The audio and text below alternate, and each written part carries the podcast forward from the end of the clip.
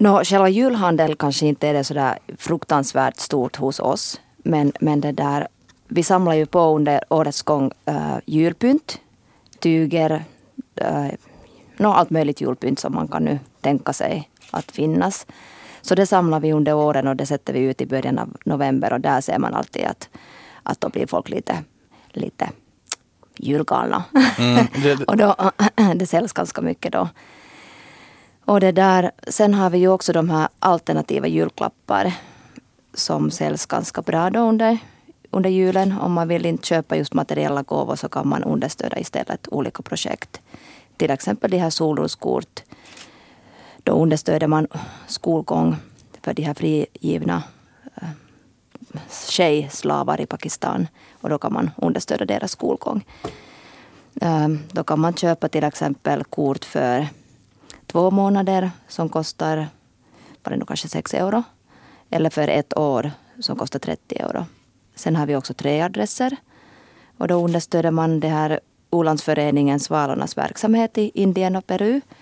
Och sen har vi det här vårt eget kort till förmån för det här daghemmet Kuda Nasaret i Peru som vi har understött under 40 års tid.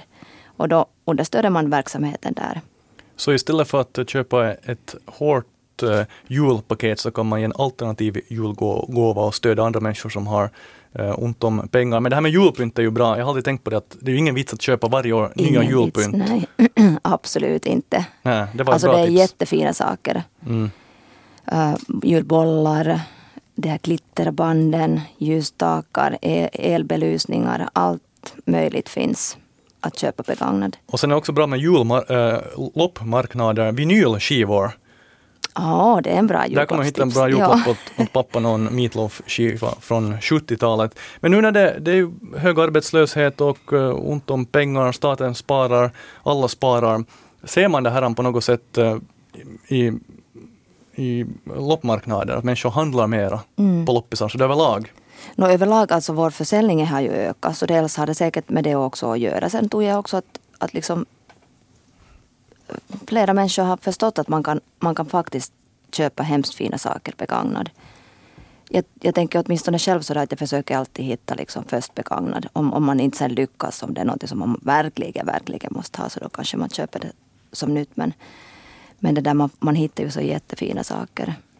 Du sa att försäljningen har ökat för loppmarknaden Emmaus i Ekenäs. Hur mycket har det, hur bra går det?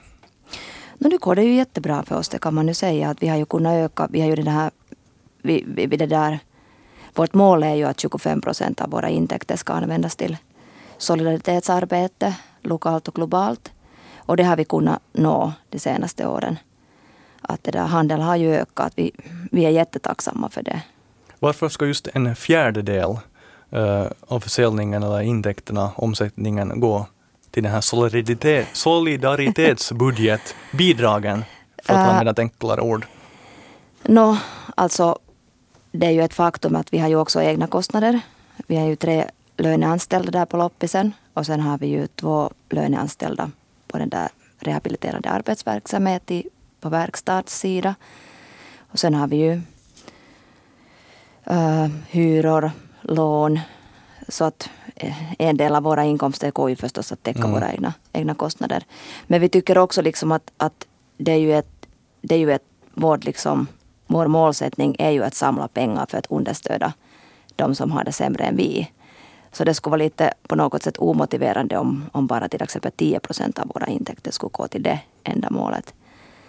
Så vi tycker nu, vi, vi, vi liksom konstaterade, vi hade ju sån här framtidsvisioneringsmöte. Det låter hemskt seriöst. Det är alltid bra med sådana möten. och, då, och då tyckte vi liksom att 25 procent, det är det som motiverar mm. oss att jobba för.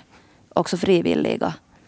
Du har, du har nämnt några av de här bidragstagarna redan, men, men vart går de här, den här fjärdedelen av, av pengarna? No, no just nu har vi ett jättestort projekt uh, tillsammans med den här Emmausgruppen Mars i Togo i Västafrika.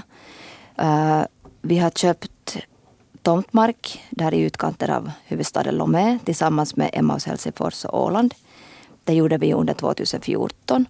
Och nu i år så har vi äh, köpt och, eller betalat liksom det här att det ska börja byggas nya verksamhetsutrymmen för deras verksamhet. Och de jobbar då med kvinnor och, kvinnor och, äh, och tjejer i, i syfte på att försöka skapa arbetsmöjligheter och äh, utbildning för dem så att de skulle undvika att falla offer för, för prostitution eller, eller trafficking. Har ni någon sån här tidslinje för det här projektet? Är ni där nu några år och sen går ni vidare när allt fungerar? Eller är det här ett bestående projekt för Emmaus? No, äh, vår syfte är nu att göra ganska äh, sådana här lång, långtidsprojekt. Mm. Vi undviker det att vi understöder bara några år, något projekt. Men klart sådana här stora projekt som det här tomtköp och, och byggprojekt, det är ju sådana här några års projekt. Men förutom det här arbetet i, i Togo så har ni rehabiliterande arbetsverksamhet, har varit igång väl några år nu. Hur, hur går det? Ja, alltså um,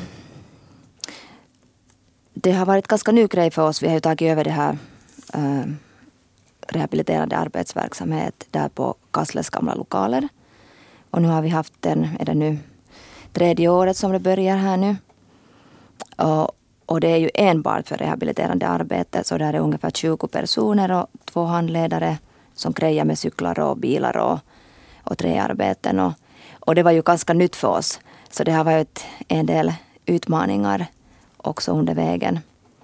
Men, men, eh, men samtidigt tycker vi att det är också sån här eh, det är ett sånt här område som, som Emmaus borde ju vara aktiv och, och liksom jobba för. Du nämnde utmaningar under vägen. Vilka har, det varit och hur ser det ut med dem nu? No just gentemot det här att, att vi, vi har ju liksom inte så mycket erfarenhet mm. av det här att enbart uh, liksom jobba för rehabiliterande arbete. Att, att där på loppmarknaden när vi har rehabiliterande arbete så där finns så mycket annat också. Där finns ju frivilliga och, och på något sätt smälter det in i, in i verksamheten. Det, mm. men det där, när det fokuserar enbart på rehabiliterande arbete så då kommer det också hemskt många andra saker fram som man har kanske inte tänkt från första början. No, om vi kort här nu Marit Kinnunen från eh, Emmaus i Ekenäs pratar om framtidsvisionsmöte. Har Emmaus planer på att utvidga? no, så här vilda fantasier kan man alltid ha. Men de kostar ingenting. De kostar ingenting och det är lite sådär att man, man, man kan lite roa sig. Men det där, som sagt, vi har inga konkreta planer, planer på det. Att, att lite, lite börjar ju väggarna komma emot, att speciellt den här möbelavdelningen så är ganska trom, trommigt och många, många kunder har ju säkert märkt att emellanåt är det lite svårt att ta sig fram. Men, men det där men som sagt, vi har inga, inga, inga konkreta planer på det. Så Emmaus håller på att bli Västnylands svar på IKEA. Det är många som har drömt om att få det varuhuset hit, men ni får ta över. Aj, aj, aj, aj, jag tyckte inte riktigt om den där jämförelsen. Vi försöker nu skapa lite mer, lite mer hållbart och lite mer etiskt.